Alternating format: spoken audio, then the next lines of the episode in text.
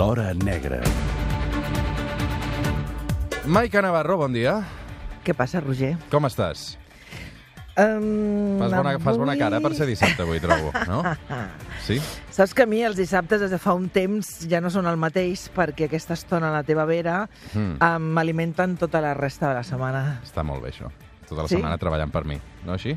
No, no, no, no, No no, no. Tota la setmana penso en tu. Ah, I aleshores el meu dia a dia es converteix a jo, em vaig restant dies fins que estic amb aquesta estona que, que et puc tocar, fer pessigolles, vale, prou. etc. Molt bé.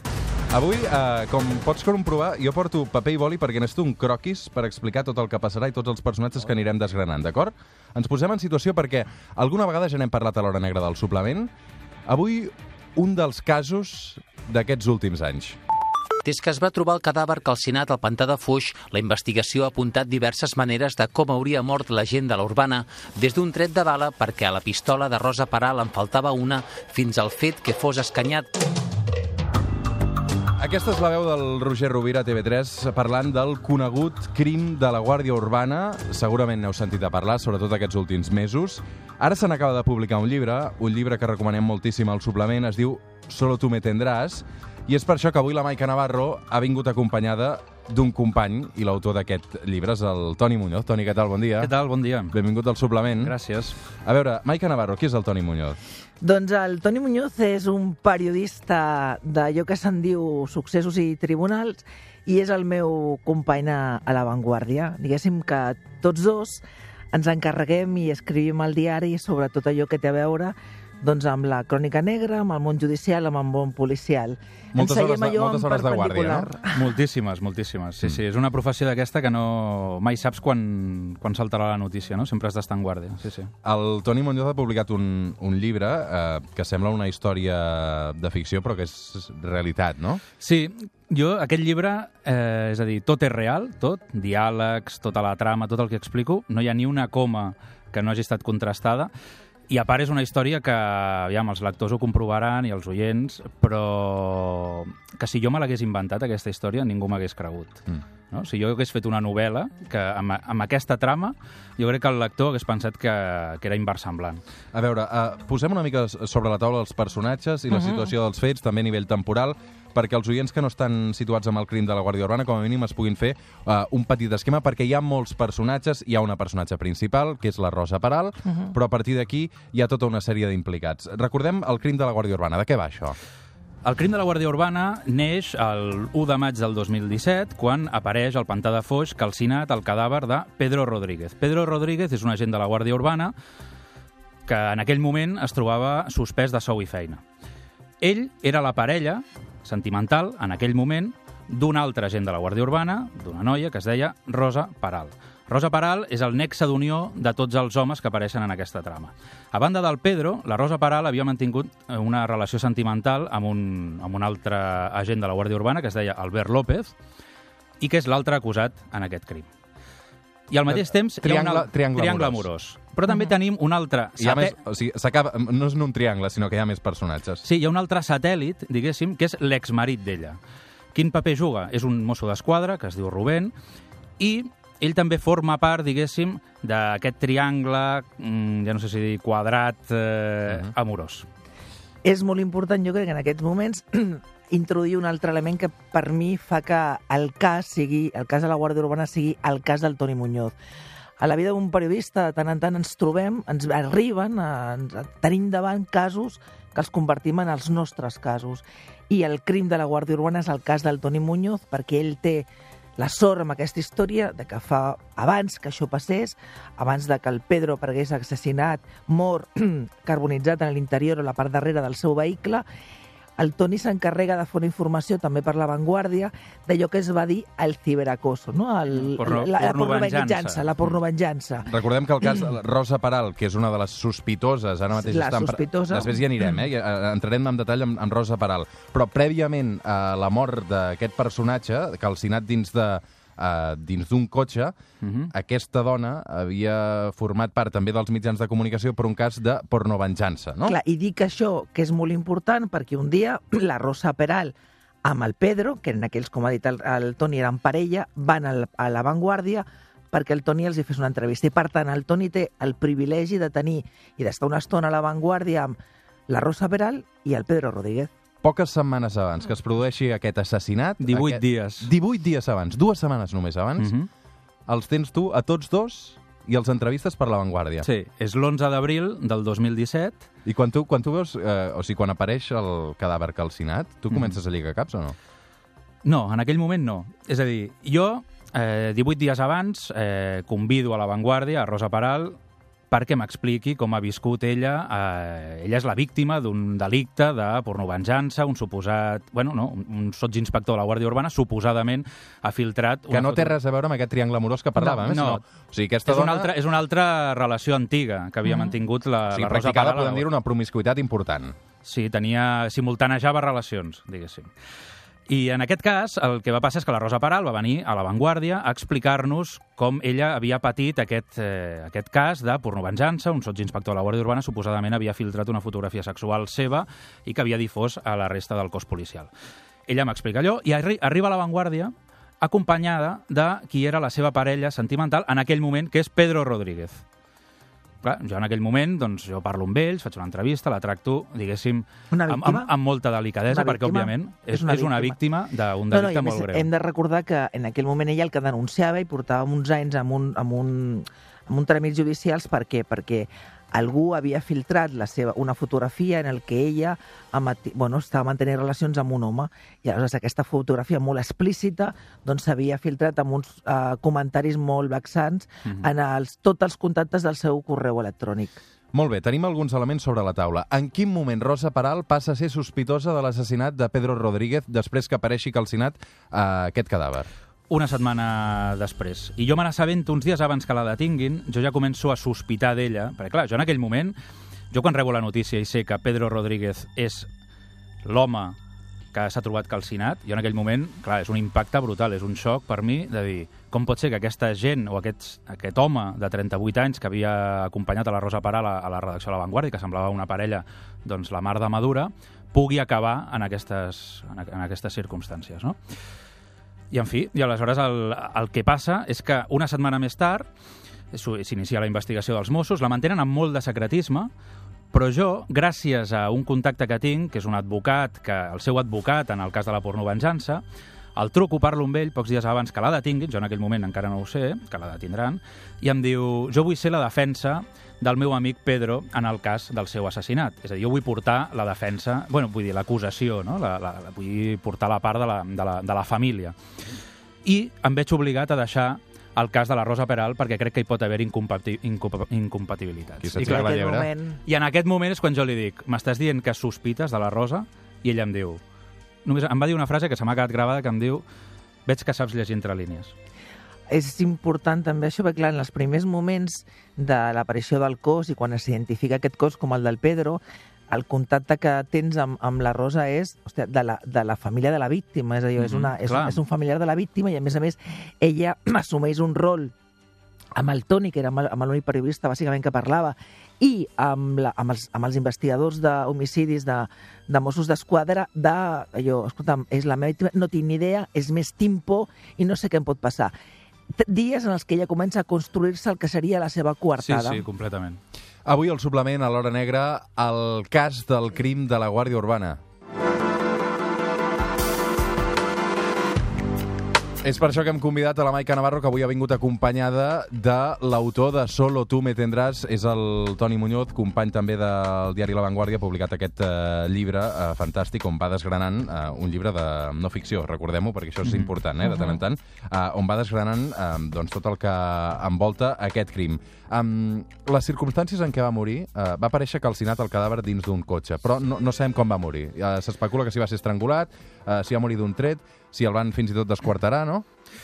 Sí, és així. De fet, jo crec que mai arribare, arribarem a saber com va morir Pedro Rodríguez, perquè les úniques persones que ho saben, que són la Rosa Peral i l'Albert López, s'estan curant moltíssim de no explicar Clar. com va morir, de no donar pistes. Tots dos eh, són a la presó ara mateix. Tots dos són en presó preventiva, estan a l'espera de judici, però aquest serà un element essencial en el qual s'escuden tots dos, que és ells no donen cap pista a la policia per explicar com va morir Pedro Rodríguez. Aleshores, de moment, l'única pista a la qual s'agafen els investigadors és l'autòpsia. L'autòpsia va demostrar, o va concloure, tot i que no d'una manera super, Concloent. superconcloent, però sí que van apuntar doncs, com a una hipòtesi més o menys eh, creïble, que Pedro Rodríguez va morir escanyat.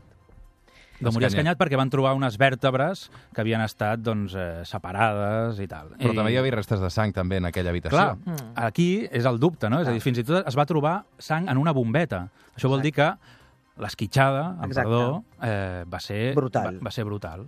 La projecció de la sang et marca doncs, que, en, que alguna cosa va passar, és a dir, que realment doncs, el podien haver esquarterat. Sí. Mm.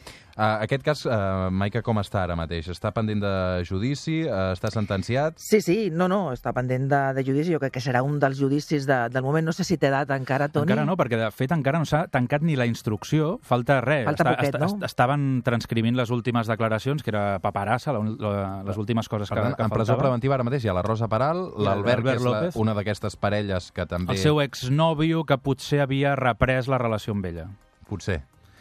Sí, aquest és un dels, gra dels grans Sí. interrogants. Aviam, els investigadors donen per fet que sí que havien eh, reprès la relació, però, en fi, ho podem deixar en dubte, si volem. Clar, què és important de, jo d'aquest llibre? Uh, primer, el ritme que té a l'hora de que tu te'n vas entrant, entrant. I tot i que la gent ha pogut sentir, o o llegint les cròniques del Toni a l'avantguàrdia, escoltant-ho nosaltres, o els companys, saps? Perquè tothom una mica ha fet un, una mica el seguiment d'aquest, d'aquesta història tan recent, que a més a més estem encara pendents del judici, el més important és que, tot i que a tothom li pot sonar els personatges i, i pot malgrat tot, tu et vas adentrant i vas trobant detalls que no t'han pogut explicar en els diaris. Perquè el Toni, més enllà d'explicar la investigació, pel coneixement de, tot, de tots els personatges que envolten els principals personatges, els investigadors, et va contextualitzant i fent un perfil de tot allò que és molt... molt o sigui, que, que és molt sucós, no? I te- i t'enganxa molt. I, sobretot, deixa que el lector posi el seu final. O sigui, en aquests moments, com Però al diu, final no- no- cadascú... no el sabem encara, no? Vull dir que- I no ho sabrem, jo crec. No, però jo crec que permet no. que el lector es construeixi la història com ell s'ha pogut imaginar. Sí, però durant la investigació, és a dir, si nosaltres repassem tot el que, totes les declaracions que han fet els testimonis que coneixien a, a tots aquests personatges, hi ha petites escletxes on es pot eh, insinuar o es pot mm, reconstruir, diguéssim, què és el que va passar aquella nit. És a dir, ja jo els aporto tots aquests elements, perquè al final tu llegeixes totes les declaracions que s'han pres durant la instrucció i revises una mica quin és el tarannà de tots els personatges, i jo crec que sense que jo t'ho digui es pot arribar a, una, a trobar aquesta resposta. El mòbil és evident que és amorós, Uh -huh. entenc, de gelosies, sí. històries d'aquestes. Tu també arribes a aquesta conclusió, Jo arribo a no? aquesta conclusió, sí. No està molt clar qui amb qui, però... No? No, jo crec que, aviam, el mòbil és diferent per els dos personatges que hi ha acusats. Sí. És a dir, la Rosa Peral tenia una intenció per matar el Pedro que era merament instrumental, és a dir, ella acabava amb la vida d'un home que en aquell moment l'angoixava, que se sentia controlada per aquest home, que és el Pedro, i al mateix temps busca incriminar qui aleshores li estava fent més la guitza, que era el seu exmarit, amb qui estava eh, en una disputa judicial per la custòdia de les seves filles. I aquest element és molt important perquè si el crim els hagués sortit bé, a la persona qui perjudicaven era l'exmarit de la Rosa Peral. Per tant, quan parlem a vegades de... I es, alguns mitjans o algunes persones posen en dubte quina és la participació de Rosa Peral en, en, en aquest crim, només hem de fer, un, fer una pregunta, és què hagués passat si hagués sortit bé? A qui van voler incriminar? I és l'exmarit de Rosa. Peral. I, i qui, tenia, qui li tenia mania a l'exmarit? Ella, l'Albert López no. Estem parlant de guàrdies urbanes i, i, i Mossos d'Esquadra, eh? És molt important recordar també en aquest moment precisament que un cop Rosa ja està a la presó preventiva, no para la seva activitat i el seu cap continua treballant. L'heu anat a veure, no, a la presó, tots dos? Jo no, el, el Jo sí. sí. Però intenta, en aquell moment intenta, amb unes preses, de, tot i que jo és veritat que és arxivat, amb unes preses que comparteix la mòdula a Valràs, saber si alguna podria tenir contacte amb un sicari amb la idea que si li passava pel cap de quan li costaria encarregar la, doncs allò, carregar-se el Rubén, el seu exmarit. O sigui, dins de la presó va Sí. intentar ja Mm. Bueno, de conxorxar... fet, un- El Sí, que bueno, se sí, li sí. va, se li va detenir, Va. se li va detenir, estava a la presó, però se li va detenir i se li va obrir una altra diligència, que és veritat que ha quedat arxivada, però hi ha preses que van confessar que aquesta dona buscava un sicari per, doncs allò, per carregar-se el pare de les nenes. De fet, crec que aquest és un dels motius pels quals va ser traslladada precisament de Batràs, no? Efectivament, ella estava a Batràs i la van traslladar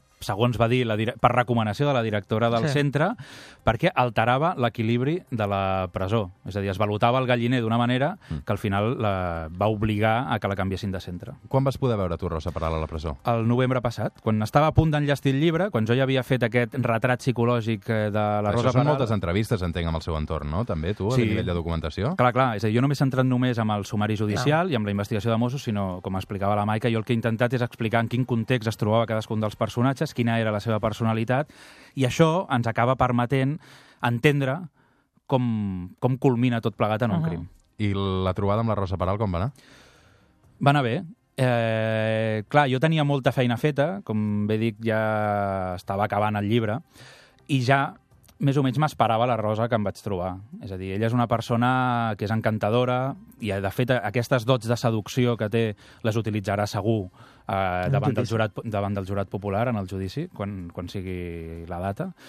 I ella és una dona, això, molt seductora, que t'atrapa amb, la, amb la mirada, que et convenç, no? i que, de fet, et mira molt fixament als ulls i t'explica doncs, la seva versió, fa que empatitzis amb ella, però arriba un moment que jo, per aquesta, aquest treball previ que havia fet, que un cop no, li apartes la mirada, fas un, un pas a- enrere, mires les notes que has agafat, dius, aquesta versió que m'aca- que m'acabes d'explicar mm, no quadra gaire.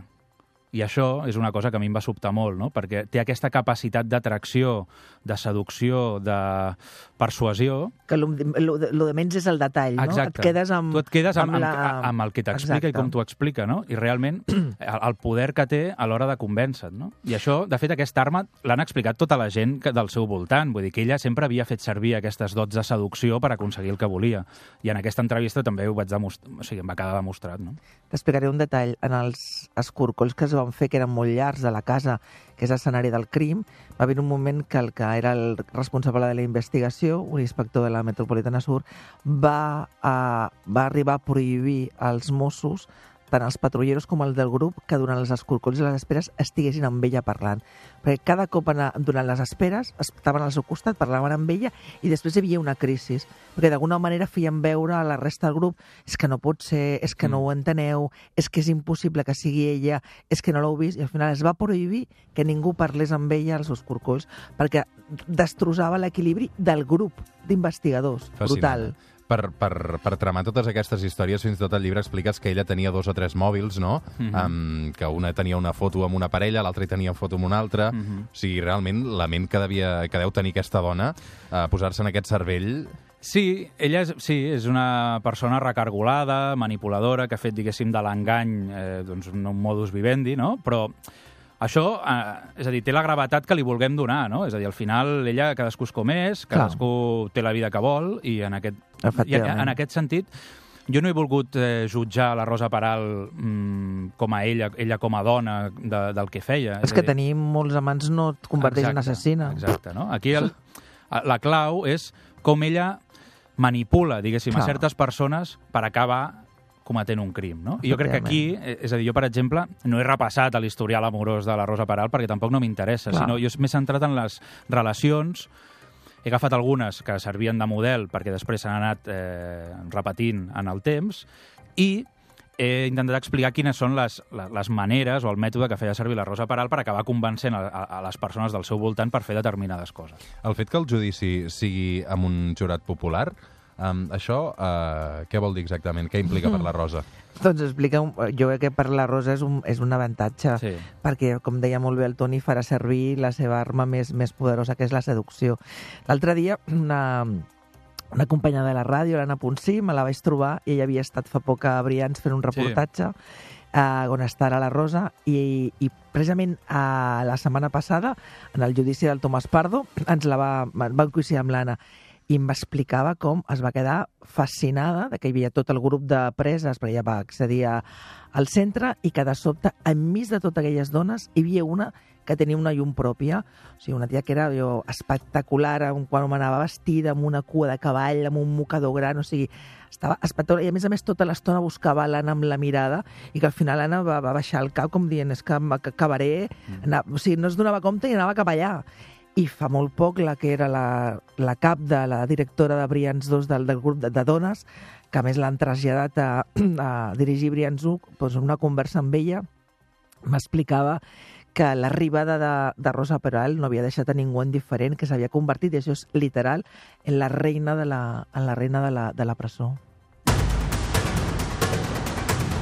Avui a l'Hora Negra hem parlat amb el Toni Muñoz d'aquest Solo tu me tendràs, és un llibre que també recomanem moltíssim. Tots els detalls del crim de la Guàrdia Sobre Urbana. allò que em digui el títol, el Solo tu me tendràs, em sembla tan bo. A veure, d'on surt aquest D'on títol, surt? Toni? Mira, és una conversa quan la Rosa Peral comença la relació amb el Pedro Rodríguez, que això és cinc mesos abans del crim, ella encara té dubtes i, de fet, li amaga a qui aleshores és també la seva parella sentimental, com és el seu amant, que és l'Albert López, que és l'altre acusat. I en aquell moment, quan l'Albert López se n'assabenta que la Rosa Peral té una nova aventura, Uh -huh. la deixa, no? I aleshores ella comença a enviar-li missatges sense parar fins que Mm. arriba un moment que li diu solo tu me tendràs. És boníssim. Maica Navarro, Toni Muñoz, moltes gràcies a tots dos. A vosaltres. Fem una pausa gràcies, Toni. i tornem al suplement. Fins ara.